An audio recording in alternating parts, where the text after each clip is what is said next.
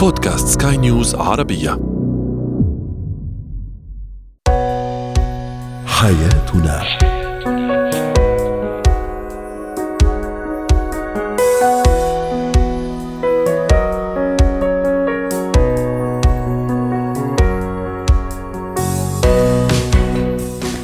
مستمعينا الكرام أهلا بكم معنا إلى حياتنا. فضاؤكم اليومي الذي يعنى بشؤون الأسرة وباقي الشؤون الحياتية الأخرى والذي يمكنكم الاستماع إليه عبر منصة سكاي نيوز dot com slash podcast وباقي منصات سكاي نيوز العربية الأخرى. شاركونا عبر رقم الواتساب 00971 56 188 معي أنا أمال شاب. اليوم نتحدث عن حدود الصبر بين الزوجين. ما هي هذه الحدود؟ وهل في حدود أصلاً؟ أيضا سنتحدث على أهمية التوازن النفسي والعقلي للأشخاص الذين لهم علاقة مباشرة مع الأطفال ممارسين صحيين الذين يشتغلون في دور في في, في رياض الأطفال. كل شخص له علاقة مباشرة مع الطفل أهمية التوازن النفسي والعقلي لهؤلاء الأشخاص. وأخيرا نتحدث أيضا عن مهارة الادخار.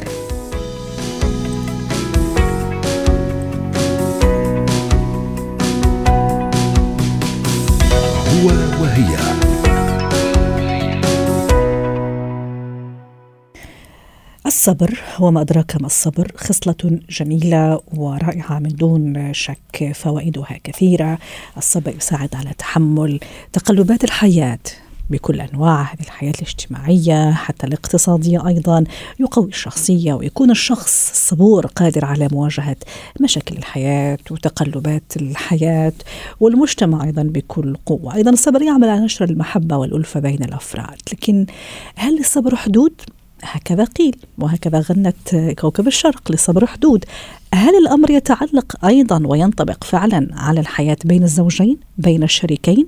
هل لصبري على زوجي حدود صبري على زوجتي حدود؟ دعونا نتعرف على تفاصيل هذا الموضوع مع لانا أصأص الاستشارية الاجتماعية والأسرية. سعد أوقاتك أستاذة لانا أهلا وسهلا فيك. الصبر شيء رائع وجميل مع زوجي مع زوجتي حتى تستمر الحياة ولفائدة الحياة الأسرية والزوجية ومن أجل ديمومتها متى يكون لهذا الصبر حدود؟ آه، بالمبدأ الصبر هو شيء مطلوب بالعلاقة الزوجية وبالعلاقات العائلية. وبلا الصبر ما بنعود نتحمل آه، أي هفوة أو أي آه، انزعاج أو أي مصيبة بتكون عم بتطال الأسرة. ولكن نعم للصبر حدود لما هالتصرفات اللي عم بيعملها أحد الشريكين عم بتدق بالقيم تاعول الشريك الثاني. صارت عم بتشكل أذى للشريك الثاني. هون ساعتها بنقول هل الصبر هو صبر جيد ولا صبر آه، سلبي؟ آه، هل عم بيكون في شيء إيجابي؟ المنفعة تاعته إيجابية على العائله ولا عم بيكون في آه، مردود سلبي على العائله وعلى ديناميكية العائله لما يكون الجواب إنه لا بس كيف يكون سلبي؟ إيجابي؟ أوكي مفهومة إنه إيجابي نعم. حتى تستمر الحياة وهذا يعني من من فوائده آه، فوائد الصبر اني اطول بالي زي ما تفضلتي على حين هفوات عندي شيء أتغافل عن أشياء يعني هذه كلها تندرج تحت الصبر. بس متى يكون مؤذي للعلاقة؟ لي أنا كزوج أو كزوجة على مستوى شخصي فردي ثم لاسرتي نعم. لما يكون في علاقة سامة بين الشريكين لما يكون نعم. في وجود لأي نوع من العنف إن كان جسدي ولا إن كان نفسي ولا آه إن كان معنوي هون التأثير ببطل عم بيطال بس الزوج أو الزوجة. هون عم بيطال الأطفال لأنه عم بيشاهدوا هيدي العلاقة السامة بين الشريكين اللي بيكون في شريك عم بيصبر لحدود التنازل. عن عن قيمه وعن كرامته فبهدول المحلات بيكون الصبر سلبي لأنه ما عم نكون عم نتحرك لحتى نكون عم نحط حدود لتصرفات الشخص الثاني. بينما لما نحكي عن صبر إيجابي لما أنا آه، يمكن زوجة أو زوجتي تمرض ويصير معها أي مشكلة أنا هون في مسؤولية أخلاقية علي اني اكون عم بصبر. لما زوجة أو زوجتي تكون بلا شغل وما بقى يكون في مردود مالي هون أنا في أخلاقية كمان في مسؤولية أخلاقية اني اكون عم بصبر وأكون عم بدعم الشريك الثاني. آه، فبالأمور اللي هي بتكون آه، إذا بدك خارج عن سيطرة الإنسان وبتكون هي مصيبة أو بتكون مشكلة طرقت على نعم. العائلة هون الصبر مطلوب. ولكن لما يكون في مشكل آه، نابع عن شخص وهو عم بيأذي عن سابق إصرار وتصميم الشخص الثاني هون بنسأل حالنا أنا لازم أصبر ولا لا؟ وإذا صبرت شو المنفعة تاعي؟ جميل. آه، إذا قررت إنه خلص يعني للصبر حدود وصبري آه، بدأ ينفد يعني بدأ خلص يقل أو مخزون هذا الصبر بدأ يقل. آه، هل مثلا اوجه إشارات؟ سواء ممكن تصريحا تلميحا إنه ترى صبري خلاص بدأ ينفد ويعني ممكن راح نوصل لطريق مسدود ولا ولا كيف الطريقة؟ هلا هو عادة يجب أو المفضل إنه نكون عم نحكي بتصريحات مباشرة نعم. خصوصا إذا كان الشريك الثاني متجاوب بالتغيير، يعني لما نحكي عن عنف متأصل بالشخص وقد ما أنا حكيت حيضل هو الشخصية المعنفة، هون ساعتها لازم ألجأ لأمور ثانية لأنه أنا اكسر دائرة العنف وأقدر أطلع من هالعلاقة، بس إذا بدي أعطي مثل ثاني لما آه، زوجي يكون متكاسل عن العمل نعم. مش لأنه عنده مشكلة صحية أو لأنه هو عم يسعى وما عم بيلاقي شغل بس لأنه في تخاذل وتكاسل وأنا حامل المسؤولية لحالي وشريكي قاعد ما عم بيعمل أي مجهود لحتى يكون عم يشتغل. هون أنا ساعتها بتحمل مرة اثنين ثلاثة شهر شهرين ثلاثة وبعدين بدي أقول له بشكل مباشر إنه هيدا عدم تحمل المسؤولية أنا ما بقى قادرة كثير أه أتحمله. آه، فبالتالي بدنا نلاقي صيغة ثانية لحياتنا بدنا نلاقي تص... آه، بدنا نلاقي يمكن أسلوب ثاني لحياتنا بدك تعمل اكشن آه، لهيدا الموضوع وتكون عم بتلاقي شغل لأنه بهيدي الطريقة ما فينا نكون عم نكفي بعائلتنا بحسب الأهداف اللي نحن حاطينها نعم. فبالمباشر دائما أفضل إلا بحالات اللي هي برجع بقول لك لأنه بالحالات اللي بيكون فيها عنف بالعلاقات الأسرية أوقات لما نحكي بشكل مباشر بنكون عم نحط حالنا بخطر إضافي آه، لهجمات إضافية من الشخص المعنف فهنا يفضل إنه الواحد يكون عم يستشير اختصاصي بهذا الموضوع لأنه هو حيكون عم يفهم الطبيعة الحياتية وديناميكية العلاقة وبيقدر يكون عم بيحط عم بيحطوا شيء نحن بعلم النفس وبعلم التدخل الاجتماعي بنسميه سيفتي بلان أو خطة أمان بعلاقتنا مع حدا معنف. وكمان يمكن أستاذة لنا آه، موضوع مثلا شخصيه الفرد اتصور لها دخل في أشخاص يعني ممكن قدرتهم على التحمل تكون أكثر من الآخرين. بيقول لك نعم أنا بدي أستثمر في هذه العلاقة. آه، شو ما كانت الطريقة ما راح أستثمر فيها إلا ما راح أجني هذا النتائج. إن شاء الله بعد 20 30 سنة راح أجني. في أشخاص آخرين يقول لك لا يعني سلامتي النفسية وراحتي النفسية هي أهم من كل شيء. اي في حدود أو أصبر لكن في النهاية في حدود للصبر. شكرا لك استاذه لنا أسأس ضيفتي العزيزة من بيروت وأتمنى لك أوقات سعيدة زينة الحياة ما هي أهمية التوازن النفسي والعقلي للأشخاص الذين لهم علاقة مباشرة بأطفالنا بأولادنا؟ رحبوا معي بدكتور أسامة النعيمي استشاري الطب النفسي ضيفنا العزيز من الرياض. يا أهلا وسهلا فيك دكتور أسامة. اليوم راح ننطلق من خبر صراحة أزعجنا جميعا في مكان ما في دولة ما آه، ممارسة صحية آه، يعني عندها علاقة مباشرة مع الرضع ممكن حتى الخدج اعتدت على على هؤلاء طيلة فترة عملها. أحد عشر رضيعا. آه، دكتور أسامة تعرضوا لتعنيف ربما كلهم ربما بعضهم لكن كاميرات المراقبة سجلت هذا الفعل صراحة الشنيع والخطير جدا. من هذا المنطلق ارتأينا اليوم؟ نسأل السؤال.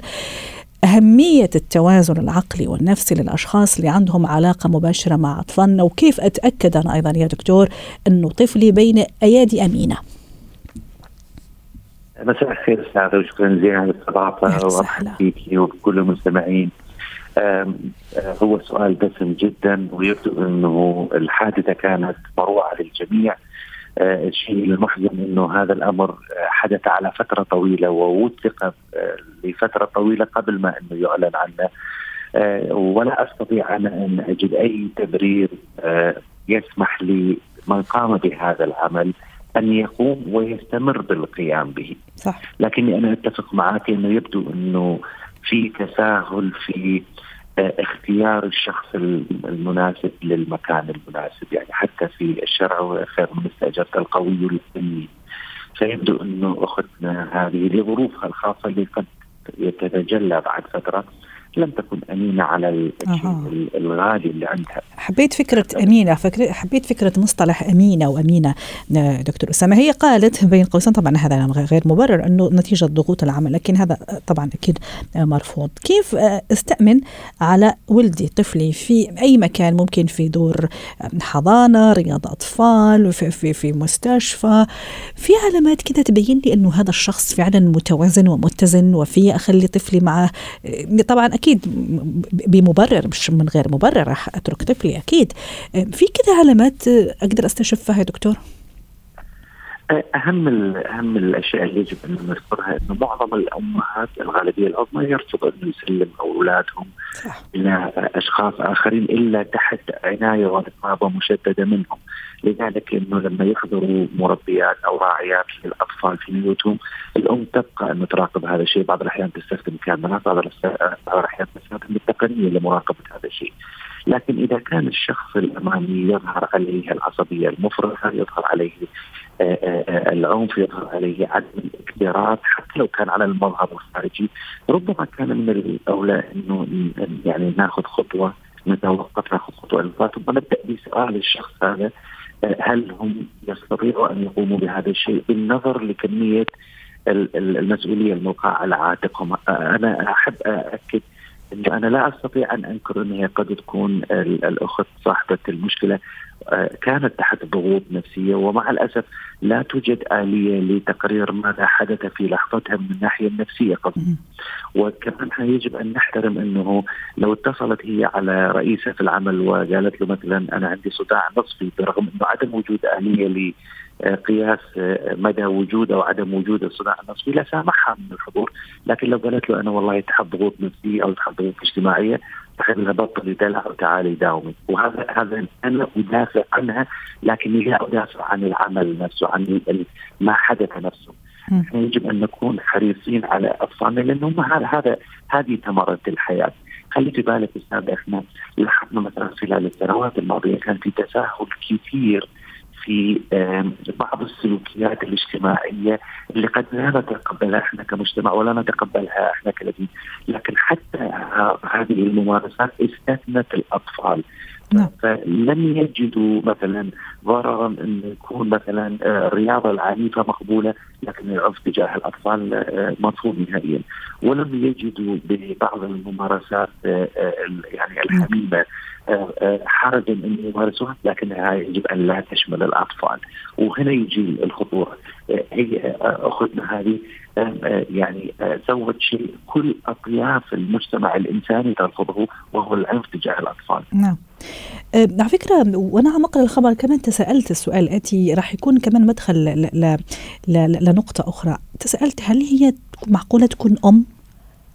يعني مصيبة إذا هي أم وتعمل هيك. يعني قصدي غريزة الأمومة يعني وينها؟ إذا هي أم. طبعا هذا مش مبرر إذا كانت يعني مش أم مش مبرر. هذا كمان يقودني للتساؤل الآتي قبل شوي كنت أقرأ كمان نسبة معينة من الآباء والأمهات هم معنفين كمان لأطفالهم. فهذه كمان مشكلة أخرى نعم وهذا اللي اللي يخلينا مثلا بعض الأحيان نسأل أنفسنا مين اللي قام بعملية الاختيار؟ قد تكون ال ال ال يعني الأخت هذه قد تكون بارعة مثلا في مجال عمل موازي لها لكن بسبب نقوصات معينة أو بسبب حاجتها للعمل أو بسبب م. قرارات إدارية غير مدروسة وجدت نفسها ترعى جواهر لا تستطيع أن تتعامل معها. وكانه وكأنه هي هي حصلت على شهادة حداده لكن ما حصلت وظيفة إلا ان تكون جواهرجي. فكيف تتوقعوا ان تكون النتيجه هذا كمان راح يقودني لسؤال عن الشخصية. قبل قبل فترة ثلاثة أو أربع أيام يمكن كان عندي موضوع رائع جدا كمان. الدكتور طبيب الأطفال كيف يتعامل مع مع مريض الطفل هذا الطفل اللطيف هذا المخلوق الجميل الكائن الرائع. فالدكتور كان أحمد عبد العال لما أذكر وجه له التحية يقول إنه كل شخص أو كل يعني خاصة في مجال الطب تحديدا لازم فعلا شخصيته تكون مناسبة مع مع مجاله مع تخصصه. بمعنى يعني هو طبيب أطفال معناتها لازم يكون عنده حب كبير للأطفال وصبر وجلد وباله طويل حتى فعلا يقدر يتعامل مع هذا الشريحة. أو على الأقل تكون عنده المهارة. إذا لم يكن مثلا هو الشخص بطبعه إنسان آه، يعني رقيق في وجود الأطفال في وجود هذه الشريحة يجب أن يتعلم هذه المهارة لأنه هي مش بس يعني مصدر رزق وإحنا نحترم إن هي في النهاية هي مصدر رزق لكن أنت تتعامل مع فئة تمثل الغني وما في أغلى من هذه الفئة. يعني إحنا إحنا ممكن يعني نتعامل مع أنفسنا ببعض الشدة لكن ما معقول أن نتعامل مع الأطفال. وهذا اللي هو اثرتي انت بسؤالك انه الأشخاص اللي يعنفوا ينتهي بهم الأمر أن يكونوا معنفين لذلك الأجانب يقولوا hurt people hurt. الناس اللي أصلا فيهم آه، ندب نفسية وجروح نفسية وآلام نفسية نعم. توارثوها من فترة الطفولة وحملوها معهم أسهل عليهم في المستقبل أن يتحولوا إلى مثل هؤلاء الأشخاص اللي لا يجد حرج من يؤذي طفل نعم. آه، يعني مسلوب الاراده. شكرا لك دكتور اسامه النعيمي الاستشاري طب الاستشاري الطب النفسي ضيفنا العزيز من الرياض وأتمنى لك أوقات سعيدة. مهارات الحياة اليوم سوف نسلط الضوء على بعض أو المهارة مهارة الادخار وبعض الخطوات اللي فعلا تمكنني من هذا المهارة وتكسبني إياها. رحبوا معي بلانا قاعاتي مدربة مهارة حياة. يسعد أوقاتك يا أستاذة لانا. أهلا وسهلا فيك. في أشخاص بارعين جدا في الادخار. في أشخاص عكس ذلك هم فاشلون في الادخار. رغم أنه ممكن الشخص اللي بارع في الادخار راتبه عادي وممكن يعني يدوب يكفي بس لا والله يعرف يدخر ويعرف يخطط. آخرين لا ما عندهم هذا المهارة. هل الموضوع عنده علاقة بالشخصية مثلا بالتنشئة بالتربية؟ حتى نبتعد شوي على الجانب الاقتصادي أستاذة لانا. نهاركم سعيد. أهلا وسهلا. هلا أكيد الموضوع بالنسبة للادخار له علاقة بعلاقتنا مع المال. هل هي علاقة صحية أو لا؟ هل هي علاقة ودية أو لا؟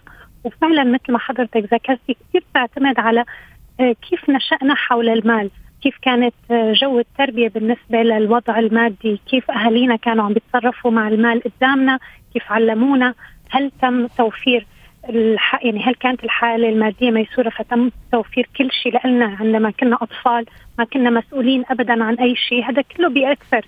أو لما كان الشخص أصغر بعمر مثلا الجامعة عمل part-time job وحسن إنه يكون يعتمد على حاله ويكون عنده مدخوله الخاص. فكل هاي عوامل أكيد من الصغر بتأثر فينا وكل ما كانت أكثر حتى نحن هلأ عم نشتغل فيها على أولادنا حنحسن نعمل آه، ونخلق لهم علاقة حلوة مع المال. لأنه ناس كثير بتفكر إنه بالادخار معناته أنت عم تكون عم تثبت حريتك. بيكون في يعني عم ما بتكون عم تستمتع بحياتك صح. ما بتكون عم تعيش حياتك بسعادة. فبينظروا لها بطريقة غير سليمة فبتصير علاقتنا مع المال غير جيدة لأنه هو مصدر لكبت الحرية. رائع. عم تحكي عن علاقة كثير رائعة وجميلة و... وأنا فعلا اليوم حابة أتعمق فيها من ناحية يعني ال coaching يعني علاقتي مع المال. كيف أحسنها؟ كيف أخليها علاقة جميلة وإنسيابية؟ حتى later on كمان أعرف أتصرف فيها المال وادخر ادخر هالمال بطريقة فعلا تكون صحيحة. هلا نحن إذا بدنا نحكي على ال mindset أكيد بياخذ وقت وبيعتمد على الطريقة اللي الواحد كبر وتربى فيها ووضعه المادي ما حيكون ال click بشكل سريع. فأهم شيء يكون في عنا التزام يكون في عنا صبر ويكون عنا إرادة. هدول الثلاثة مهمين لحتى نحن نبلش نصحح علاقتنا وتصير علاقتنا مع المال بشكل عام أفضل لحتى نوصل لفكرة الادخار، بدنا نكون عندنا قناعة إنه أنا لما يصير عندي ادخار أنا يكون حيصير عندي حرية أكثر بالحياة. مش العكس نعم نقول طبيعي أكثر مو العكس مم. تماما لأنه ما المطلوب منك إنه لحتى تدخري إنك أنت ما تكوني عم تعيشي حياة مبسوطة بالعكس لازم تكون الميزانية موضوعة بشكل إنه أنت تستمري بالاستمتاع بالحياة لكن بتقيمي جزء مم. بسيط فيما يتناسب مع مدخولك وتخبيه للمستقبل منه مطلوب منك إنه أنت ابدا ما تعيشي هلا الحياة ولا تنبسطي وبس تخبي قرشك الأبيض آه. ليومك الأسود و... لأنه في مثلا أشخاص مشان هيك أنا سالت في البداية هل عندها علاقة مع شخصيتي مع طباعي في البعض مثلا يقول لك مثلا خلي أصرف على صورتي على الإيمج تبعي مثلا. تماما. يعني كثير علاقه كثيره لأنه في كثير ناس وهون من ناحية الترشيد بالاستهلاك طبعا آه، بهمهم كثير منظرهم الاجتماعي وللأسف ممكن يوقعوا بمآزق مادية بس كرمال يكون المنظر الاجتماعي لائق. فدائما عندهم مشكلة بيقارنوا نفسهم مع غيرهم وطبعا مؤخرا صار في كثير حتى بالأجيال الصغيرة مشكلة البراندات والكل بده يلبس أفخم اللبس. ونحن تحولنا أكثر لأشخاص استهلاكيين يعني كثير بسرعة بنشتري وبنشتري أشياء ممكن صح. أغلب الوقت نحن غير بحاجة لها فلازم نعيد منظورنا للاستهلاك اللي عم نعمله. لازم نحط بادجت محددة ويكون في عنا تمييز ما بين الأساسيات اللي فعلا بنحتاجها وما بين المكم يعني الكماليات بالحياة. 100% ترتيب ترتيب الأولويات كثير. مهم صح يا لانا؟ موضوع الشخصية كمان بدي أرجع له. مثلا أه، هل مثلا الشخصية الفوضوية هي شخصية أقل مهارة للادخار؟ عكس مثلا الشخصية المنظمة اللي عارفة أمورها يعني راسمة مضبوط مسار حياتها عارفة ولو بالتقريب طبعا ما بحكي أنا 100% طبعا هل عندها تعمل فارق؟ من دون ما نعمم حتى ما حدا يزعل. لكن بعيدا عن التعميم الشخص المنظم حيكون أسهل عليه إنه يحط بادجت أسهل عليه إنه يتبع أسهل إنه يعرف هو وين عم يصرف. يعني إذا مثلا حب يجمع الفواتير حيكون سهل كثير يلاقيها ليعرف أنا وين صرفت وين هي المبالغ راحت. بالمقارنة بالشخص الفوضوي الغير منظم ما حيعرف هو وين عم بيحط فلوسه الفاتورة ضاعت. أنا وين يلا معليش الشهر الجاي وبعدين الشهر الجاي زيد نأجل الشهر الجاي ونتحجج إنه في مثلا أشياء طارئة جات هذا الشهر فخلتني أو أثنتني عن الادخار. صح كله. صح صح صح, صح. يعني اجت اجت بيكمل بعضه هو ليس أساس ربما ولكن بيكمل بعضه. أكيد إذا الواحد حاول يطور من بعض الأمور الصغيرة اللي هو بيحسها آه، غير آه، مثلا متوازنة عنده حيلاقي الفرق. بالمستقبل إلى علاقة بالعمر؟ عم بسأل طيبة. يا والله خلق أقول سؤال طيبة إلى علاقة بالعمر؟ يعني لما أكون صغير ممكن مفهومي للادخار يعني غير أو ما كثير أفكر فيه. لما أكبر مع مرور الوقت مع التقدم في العمر أصير ممكن أفكر أكثر. هلأ من أهم أمور الادخار إنه يكون في عنا هدف، نحن لما نكون في عمر خلينا نقول شباب. على فكرة زميلتنا طيبه اليوم كثير مهتمه بالموضوع. بتكون الأمور كثير أكبر يعني بيكون دائما في عندك هدف. إذا كان في عندك مثلا لون على الجامعة بدك تدفعه دين للجامعة بدك تشتري سيارة بدك تتزوج بدك آه، تعمل أسرة فبيكون الأهداف جدا كثيره فممكن بالعمر الأصغر يكون التركيز كثير أكثر على الإدخار لأنه نحن بدنا آه، نوصل لكل هي الأهداف الكثيره وطبعا بيكون في جهد وفي آه، في أكثر امبيشن وطموح وطاقة. نعم. بالمقارنة نحن لما نكبر نوصل لعمر لا شعوريا بصير بنقول طيب أنا بدي أستمتع بالحياة فبنصير بنصرف أكثر رغم أنه نحن المفروض بدنا نفكر لأيام التقاعد. صحيح. آه، فبيعتمد كمان لكن إذا عم نحكي من ناحية العمر هذا اللي بالمجمل بنشوفه إنه نحن صغار لا بنصير بدنا أكثر ندخر ولما نكبر شوي بنصير نصرف أكثر. إن شاء الله الأيام الجاية تكون أيام موفره مالية يا رب علينا وعلى الجميع. يا رب. ان شاء الله. شكرا لك لانا قاعتي مدربه مهارات حياة اسعدتيني اليوم وأتمنى لك أوقات سعيدة.